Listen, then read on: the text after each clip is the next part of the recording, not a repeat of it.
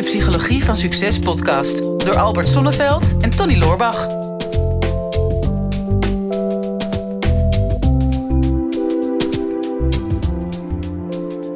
Donnie, ik moet iets bekennen. Ehm, dit jaar eh, bereik ik toch weer een historische of een hysterische leeftijd, namelijk 60. En ja, je gelooft het of niet, maar dan ga je toch een beetje terugkijken op: heb ik nou het maximale uit mijn werkzame leven gehaald? Ik ben nu ongeveer. Uh, Begin je nu pas over na te denken? Ja, dat moet ook ergens. Daarvoor had ik geen tijd om erover na te denken. Ja, mooie tijd, mooie tijd. Ja, en, uh, en nu inmiddels wel. En dan. Ja, dat zijn dan van die vragen van: goh, uh, ik heb heel veel gedaan en ook heel veel tot stand gebracht. En daar ben ik ook heel dankbaar voor.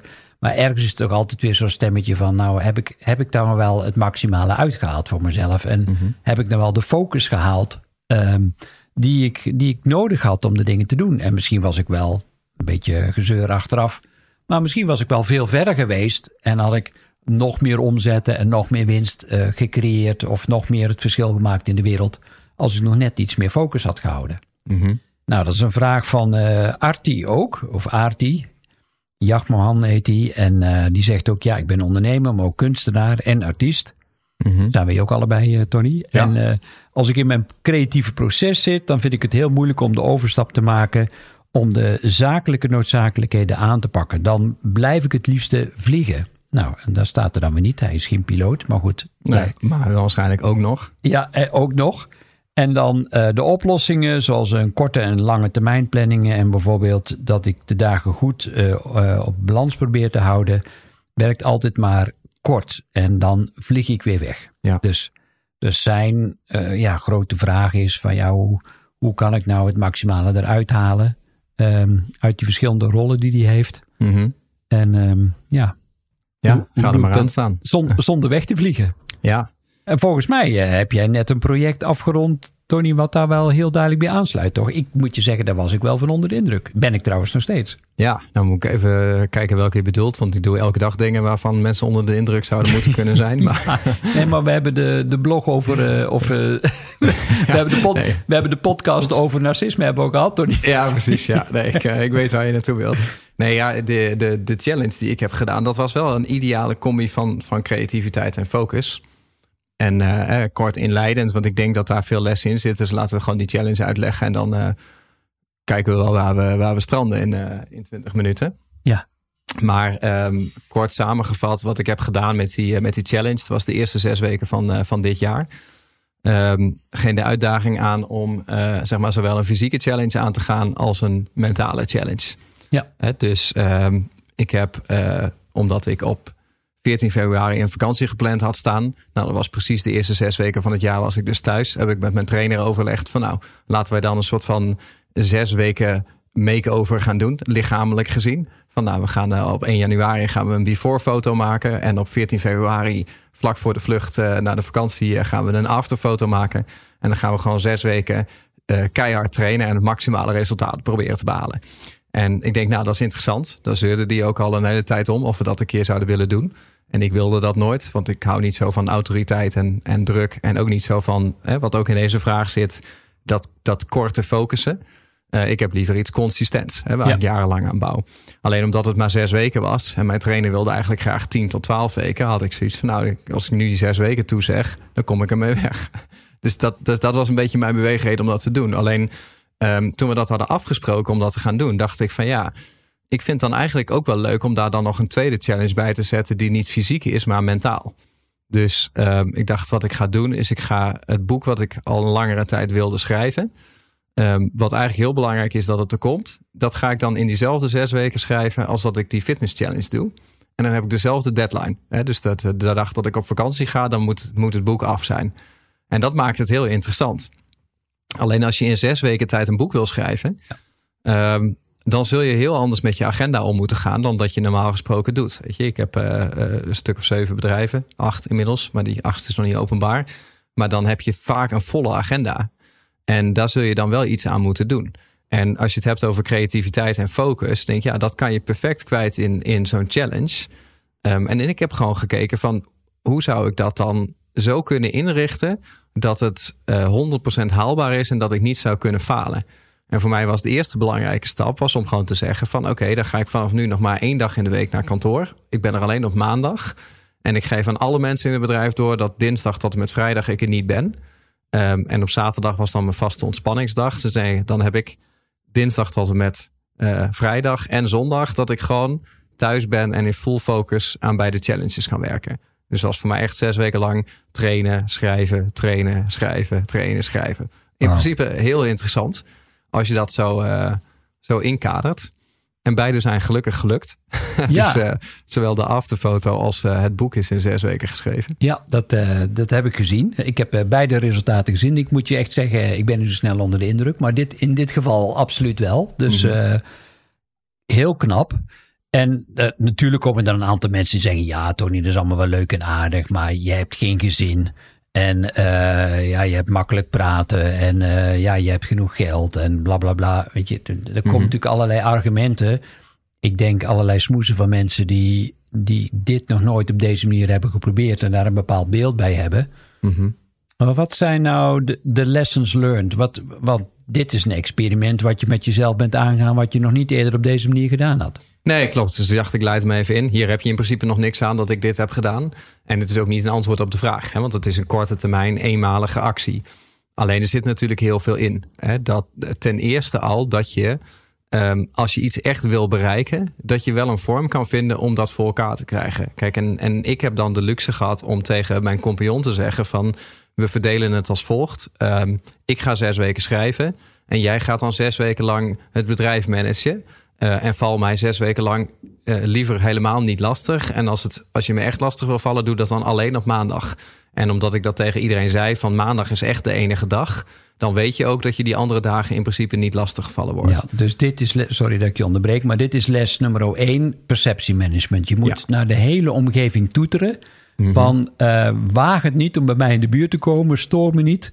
Uh, ik heb ooit een keer uitgelegd groene tijd, oranje tijd en rode tijd. Uh, groen, dan mag je door iedereen gestoord worden. Oranje door bepaalde mensen en de rood door niemand. Mm -hmm. Maar jij had gewoon zes weken rode tijd ingepland. Ja, klopt. En daar zitten inderdaad twee, twee andere lessen nog in. Enerzijds um, dat, dat communiceren. En ik heb dat dan voor zes weken gedaan. Maar dat hoeft niet per se beperkt te zijn tot zes weken. He, want ik heb dat eerder ook wel gehad toen ik begon met mijn eerste thuiswerkdagen. Dat ondanks dat ik me daar dan misschien heel schuldig over voelde, dat ik dan elke woensdag dan thuis was. Dan zat ik gewoon met schuldgevoel op de bank van waarom ben ik niet op kantoor. Ja. Wisten mensen wel van op woensdag is hij er niet. En dan merk je op een gegeven moment dat daar waar je voorheen elke woensdag op kantoor was en mensen jou de hele dag nodig hadden op woensdag, het moment dat je er niet bent, dat ze je ineens op woensdag niet nodig hebben. Dat het wel tot donderdag kan wachten. En dat is ook logisch. Weet je, als jij een dag ziek bent, of een week ziek bent, of als jij een week op vakantie bent, dan kunnen mensen vaak ook wel even zonder jou. Dus je kan dat eenmalig inplannen, maar je kan ook gewoon dat structureel afbouwen door te kijken van ik ga in ieder geval beginnen met wat er nu haalbaar is. Bijvoorbeeld, ik pak één dag of misschien zelfs één middag in de week dat ik uh, niet beschikbaar ben voor wie dan ook. En dan werk ik aan mijn passieproject. Ja, He, dus uh, ik heb zelf ook vijf boeken geschreven en, en op verschillende... Geen wedstrijd, hè? Nee, het is geen wedstrijd. maar um, uiteindelijk... in ieder geval. Uiteindelijk, weet je, maar het, het, het wonderlijke van dat proces is dat ik alle methodes heb uitgeprobeerd. De mm -hmm. een was mezelf opsluiten op een eiland mm -hmm. uh, om te schrijven. De andere deed ik tussendoor. En de een had ik inderdaad in drie maanden af en de ander heb ik twee jaar over gedaan. Dus um, het, het maakt ook niet zo heel veel uit, maar ik pak een vorm die bij je past. Alleen doe het wel consistent. Mm -hmm. uh, een vriend van mij, Henk Frans, heeft ook meerdere boeken geschreven. Die zei gewoon heel simpel: één bladzijde per dag. Mm -hmm. En op het moment dat je het kleiner maakt voor jezelf, maar wel voordat ik s'morgens mijn eerste kopje koffie drink, heb ik al een bladzijde geschreven en dan is dat klaar. Mm -hmm. Nou, als je één bladzijde per dag uh, schrijft, dan zou je na drie maanden ook al een boek klaar kunnen hebben. Ja, klopt. Ja, dus het gaat over wat past er in jouw schema. En ja. Um, ik had in dit geval zoiets van: oké, okay, bij die fitness challenge, dat is een hele mooie combi van iets fysieks en iets mentaals. Want als ik zou zeggen van ik ga zes weken lang een boek schrijven en ik doe niks anders die zes weken, dus er zou geen fitness uh, onderdeel bij zitten of sportonderdeel, -hmm. ja. dat, zou, dat zou erg lastig worden. Hè? Want op het moment dat je kniediep in zo'n boek zit en je bent alleen maar aan het tikken, dat zijn niet de dagen dat je denkt ik ga eens even uitgebreid een uur sporten. Want dat uur dat gun je jezelf niet. En dan maak je helemaal gek mee in je hoofd. Uh, waardoor je langzaamaan veel energie gaat verliezen en minder scherp wordt. En dat leidt zo'n boek ook onder. Maar omdat ik die deal maakte met die trainer, die, ja, in mijn geval kwam die dan bij mij thuis. Is ook weer iets waarvan mensen zeggen: ja, maar je hebt een home gym en een thuistrainer. Ja, maar ik heb gewoon gekeken naar wat heb ik en hoe kan ik dat met elkaar combineren.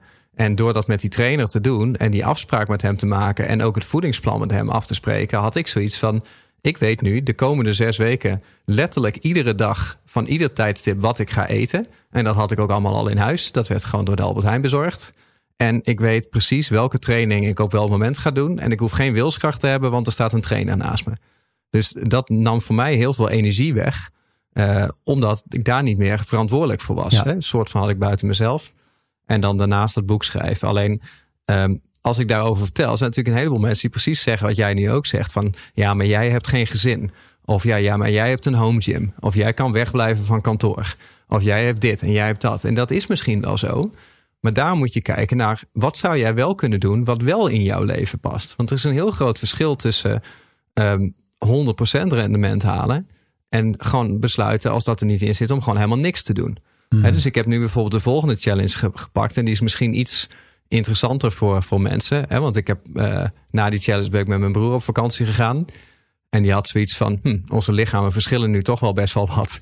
Uh, dus uh, ik ga ook even zo'n home gym bestellen. Dus die is die, die is die nu aan het bouwen. Dus we wachten even tot die af is. En dan gaan we samen zo'n zes weken opnieuw doen. En dan gaan we een soort van tegen elkaar trainen. Kijken wie het mooiste lichaam kan bouwen. Ja. Maar tegelijkertijd gaan we in die zes weken ook proberen om 30 boeken te lezen. En dan gaan we allebei dezelfde 30 boeken lezen. Zodat we dan ook iets hebben om daarna met elkaar over te praten. En om een soort stukje sociale controle te hebben. Dat je weet dat als iemand jou daarna dat boek gaat vragen, dat het wel belangrijk is dat jij het daadwerkelijk gelezen hebt. En dat is iets wat leuk is om dat met z'n tweeën te doen. Uh, maar we hebben daar bijvoorbeeld ook gekeken dat hij letterlijk zei van ja, uh, ik kan niet net zoals jou uh, vijf dagen in de week volledig thuis zijn en uh, twaalf uur per dag gaan zitten lezen. Want ik heb afspraken en andere dingen te doen. Dus hij zei, ik kan eigenlijk alleen de avonden gebruiken. Dus zei, ja, als we nou onze televisie en social media gebruik eruit halen s'avonds... dan gaan we gewoon elke dag van zes uur s avonds tot tien uur s avonds gaan we lezen. Ja. Dus als je vier uur per dag leest, zes weken lang... en je zou als je achterloopt op schema in het weekend compenseren... dan zou je ongeveer 30 boeken moeten kunnen lezen, hebben uitgerekend. Klinkt een beetje dwangmatig allemaal, hè, Tony? Ja, maar dat gaan we doen. En we hadden ook kunnen zeggen van... oké, stel nou dat een van onze gezin had gehad... dan hadden we kunnen zeggen van... oké, dan gaan we elke dag van 10 tot 11 gaan we lezen. Of van half 11 tot 11. Of we gaan iedere dag minstens vijf pagina's lezen. En je mag pas gaan slapen als je vijf pagina's hebt gelezen. Je moet zelf maar kijken wanneer je dat doet. Het maakt niet uit hoe groot of hoe klein het is... Uh, maar zo kan je wel je creativiteit en je focus kan je eigenlijk soort van inplannen. En, en met zo'n boek, uh, schrijven of boeken lezen, je weet dat dat een mijlpaal in je leven gaat zijn. Dus als het ware plan je eigenlijk een mijlpaal in met de sociale controle die daarbij hoort. Ja. Dat is heel interessant. Ja, dus die, hey, ik heb nu al twee eh, interessante dingen gehoord. Het eerste is van nou ja, ook een kwartier bezig. Ja. Het eerste wat je zegt is nou doe sowieso aan perceptiemanagement. Dus, dus zorg dat iedereen, hè, de mensen in jouw omgeving, um, op de hoogte zijn van jouw plannen en maak ook hele duidelijke afspraken. Dat, mm -hmm. En zo duidelijk dat er ook geen andere vorm van interpretatie voor mogelijk is. En het andere wat je zegt is: richt jouw omgeving maximaal in. Faciliteer jezelf optimaal. Mhm. Zodat je ja, geen kans hebt om te mislukken. Dus Klopt. meal preppen, je zorgt dat je je maaltijden hebt. Je zorgt gewoon dat je de mensen die jou eh, faciliteren en ondersteunen, dat die al in, uh, in de omgeving aanwezig zijn. Um, je hebt bij wijze van spreken heb je tv al uh, in de kluis gestopt voor de Ja. komende 14 dagen. Uh, het, het maakt niet uit, maar je hebt je hele omgeving dusdanig ingericht dat de kans tot mislukken heel klein is geworden. Ja, dus dat, dat is eigenlijk omdat je van tevoren exact weet wat het eindresultaat moet zijn. Ja. En je dat ook nog eens aan iedereen verteld hebt dat je dat gaat doen. Dan is het een behoorlijk gezichtsverlies als je dat niet gaat halen. Ja, En het is natuurlijk wel een challenge. Hè? Dus je moet jezelf wel uitdagen. Maar je daagt je dusdanig uit dat je weet van dit is echt 100% haalbaar als ik er vol voor zou gaan. Ja. En, ehm, en dat, maakt, dat maakt het heel interessant. En als je precies het eindresultaat weet van wat moet het over zes weken zijn. En je kan ook vier weken doen of twee weken. Maar ik vond die zes weken vond ik wel magisch. Mhm. En volgens mij duurt het ook ongeveer zes weken om een nieuwe gewoonte aan te leren. Ja, dus dat sluit redelijk goed op elkaar aan. Ja. En afgezien van het, van het concrete resultaat van een boek en een fit lichaam, ehm, zijn er gewoon door die zes weken hele andere gewoontes ontstaan. Hè? Dus ik heb andere voedingsgewoontes gekregen die me heel goed zijn bevallen en die blijven nu plakken. Ehm, het is voor mij veel makkelijker om grote hoeveelheden werk te verzetten, want ik vergelijk het met zes weken, twaalf uur per dag schrijven, bij wijze van, of tien uur per dag schrijven. Dus als ik nu iets moet schrijven wat maar een uur kost, dan denk ik, ja, dat doe ik wel even. Maar voorheen zet ik dat op de lange baan, want ik daar geen zin in. Ehm, als ik straks 30 boeken heb gelezen in zes weken, dan zal het minder moeilijk voor mij zijn om daarna bijvoorbeeld een boek per maand te lezen, hè, of een boek per week. Of uh, in ieder geval elke dag een half uur te lezen. En uh, door het zeg maar zo extreem aan te pakken, een korte periode, merk je dat er een soort van uh, nieuwe paden in je brein komen. Ja, absoluut. Waardoor het makkelijker is om dan volgens op dat pad te blijven. En Ja. dat maakt het heel interessant. Ja, ik merk echt dat die resets, hè, dus dat er eh, zowel lijfelijk, fysiek als ook mentaal, dat dat heel belangrijk is. Dat je jezelf zo extreem stretcht in eerste instantie. Dus probeer niet vanuit een laag tempo een iets sneller tempo eh, te veroorzaken bij jezelf. Maar eh, het was ook niet voor niks dat ze vroeger retraite tijden hadden. Hè, dat ze periodes hadden of vaste periodes. Dat is letterlijk en figuurlijk jezelf even uit dat vertrouwde karrenspoor trekken. Maar dan, er is wel kracht voor nodig. Of er is tijd voor nodig en er is ruimte voor nodig. En als je dat eenmaal hebt, dan kun je ook letterlijk met een blanco pagina beginnen. Ja. Eh, en dan kun je opnieuw je eigen leven gaan schrijven. Wel, Ja, en, en dat is ook wat er nu komt. Want hè, het wordt natuurlijk gevraagd als van eh, focus is een tegenpol van creativiteit. En dat is in zekere zin ook zo. Als jij te veel ideeën hebt, dan ben je creatief. Of als je heel veel ideeën hebt, ben je creatief. En als je een van die ideeën gaat uitvoeren, dan zou je focus hebben. Maar die twee gaan over het algemeen niet samen. Nee. Maar op het moment dat je zegt van ik ga mij zes weken focussen op dit ene ding. Of je gaat die lessen hieruit halen en je past het anders toe. Dat je zegt van oké, ik heb deze week vier belangrijke dingen te doen. Of vijf belangrijke projecten. Ik ga niet elke dag aan alle vijf de projecten werken. Om en om. Van oké, ik ben aan het schrijven. Oeh, er komt een e-mail binnen. En dan ga ik nu even wat klantenservice doen. Nou, dan ga ik weer verder met schrijven. Oh, wacht, ik zou eigenlijk ook dit boek nog lezen. Nou, ga ik even een half uurtje lezen. Dan ben je aan het task switchen. En dat is iets wat we van Mark Tichelaar hebben geleerd. Is een boek Focus. Dat is dodelijk. En multitasken is niet goed. Maar task switchen is veel erger. Hè? Dat je de hele tijd van het een naar het ander gaat. Maar als je zegt van ik ga die vijf dingen deze week elke dag één ding doen. En ik ga die hele dag alleen maar dat ene ding doen en ik wil nergens anders aan denken. Dan zul je zien dat je veel effectiever wordt. Ja. En zo kan je dus ook zeggen ik ga zes weken lang alleen maar één ding doen. En de rest van de wereld bestaat niet voor mij die zes weken. Nou dan ben je heel effectief. Maar dan ga je zien dat je dus focus hebt. Maar dat je je creativiteit wel kwijt kan in dat focusproject. En want binnen dat boek ben ik extreem creatief geweest. Sterker nog, ik had een simpel startersgidsje willen schrijven. Eh, en het is, eh, het ligt hier voor ons, maar het is 350 pagina's geworden. Eh, het is Monsterlijk gewoon. ja, het was in eerste instantie te dik om door de brievenbus te kunnen. Ja. En nu we de papiersoort verdund hebben, past het net, maar het weegt nog steeds een kilo. Ja. Dus ik heb gewoon meer kilo's boek geschreven dan dat ik aan spiermassa heb gewonnen in die zes weken. maar ehm, dat, dus dat is ook volledig uit de klauwen gelopen. En er staan allemaal dingen in die niet de bedoeling waren en dingen waar ik mezelf echt uitgedaagd heb. Dus die creativiteit, die, die heb je wel. En die, en die kan je altijd wel kwijt. Alleen eh, je moet het binnen je project doen en niet buiten je projecten om. Ja, nou, dus dat zijn ook weer de nodige lessen. Ja. Nou, volgens mij al een heleboel hè, wat, je al, eh, wat je al genoemd hebt, wat je geleerd hebt van deze ervaring. Ja, ik, ik kan alleen maar zeggen, ik herken het ook in mijn eigen leven. Dat Mhm. er eh, momenten zijn van extreme focus, maar dan moet je echt uit je vertrouwde gewoontes. Want anders gaat dat gewoon niet lukken. Dus denk niet, ik doe het ernaast of erbij. Want dan kom je in dat eh, task switchen terecht. Wat heel verleidelijk is, want ehm, er zit vaak nog een bepaalde angst onder om te beginnen. Hè, want dat is dan nog een andere reden waardoor dat je vaak niet in die focus kunt komen. Dat mensen toch diep van binnen bang zijn van oei, dadelijk val ik op mijn snuffert. Stel je voor dat het lukt of hoe gaat mijn omgeving reageren. Dus je zult jezelf ook bewust moeten zijn wat er ook gebeurt, hoe mijn omgeving ook reageert. Voor mij is het belangrijk. Hè? Voor jou was het bijvoorbeeld heel belangrijk om dat boek te schrijven. Ja. En wat het ook maar is wat je wil realiseren. Ook al is het je zolder opruimen of je, je tuin redesignen of ehm, ja, je hele website opnieuw aanpassen. Ja. Maar als je daar niet de tijd en de ruimte voor creëert en afbakent en inderdaad communiceert, dan is de kans dat je daar eindeloos als een soort energy drain dat maar bij je blijft houden. Ja. En dat is natuurlijk het laatste wat je wil in je leven. Ja, dat is interessant. Kijk, toen ik het aankondigde aan uh, mensen in mijn omgeving dat ik dit ging doen, toen was het eerst nog de fitness challenge. Toen was het boek was nog helemaal niet het plan. Toen de meeste reacties waren van, ja, maar uh, ben je, vind je jezelf dan te dik? Nee, daar gaat het niet om. Ik wil gewoon dan zes weken fitter worden. Maar ben je dan nog niet fit genoeg? Je ziet er toch prima uit. Denk, ja, dat is leuk om te horen. Maar daar ging het niet om. Het nee. ging om dat het iets is wat ik wilde doen om een andere standaard voor mezelf te vinden, daarvan te proeven en daarna te bekijken of ik daar iets van mee wil nemen in mijn leven.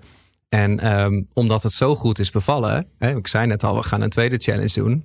Ik heb zoiets van, ik wil eigenlijk gewoon twee of drie keer per jaar een zesweekse inplannen om altijd een combinatie te doen tussen iets fysieks en iets mentaals. Hè. Dus een boek schrijven in zes weken, dertig boeken lezen in zes weken, speel met het idee om een keer te denken van nou, piano leren spelen in zes weken. Ja. Zes weken lang, vijf uur per dag oefenen. Kom je heel eind, denk ik. Mm-hmm. Ja, twaalf uur per dag oefenen, misschien ja. wel. En zo kan je leuke dingen doen. Dus ben ik wel benieuwd, want we gaan de volgende gaan wij natuurlijk doen. Uh, jij begon met jouw uh, verjaardag dat je 60 wordt. Maar de volgende challenge die wij gaan doen is op 13 april. Dat is op mijn verjaardag. Ja. Dus als op de dag dat ik 33 word, beginnen we met de challenge. Ik ben heel benieuwd of jij mee gaat doen. Ja, zeker. Ik denk, Jezus is ook 33 geworden. Dus het is wel, het is wel, het is wel een belangrijke leeftijd. Ja, het is wel een belangrijke, ja. ja. Ja, want dan moet je nog even een home gym bouwen. Maar uh, denk iedereen mag meedoen natuurlijk. Maar het is wel leuk om zoiets samen met iemand anders te gaan doen. Absoluut. En uh, dan weet je namelijk zeker dat je geen kant op kan. Dit is de Psychologie van Succes podcast. Door Albert Sonneveld en Tony Loorbach. Ja, beste luisteraars, dat was hem alweer voor vandaag. Weer een aflevering voorbij van uh, de Psychologie van Succes. Ik hoop dat je het waardevol hebt gevonden. En um, wat je ons dat ook zou willen laten weten.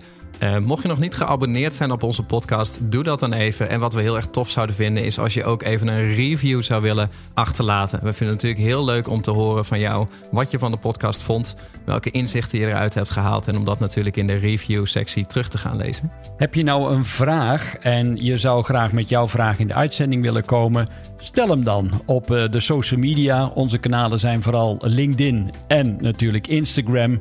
De beste vragen pakken we eruit en grote kans dat je dan terugkomt in deze podcast.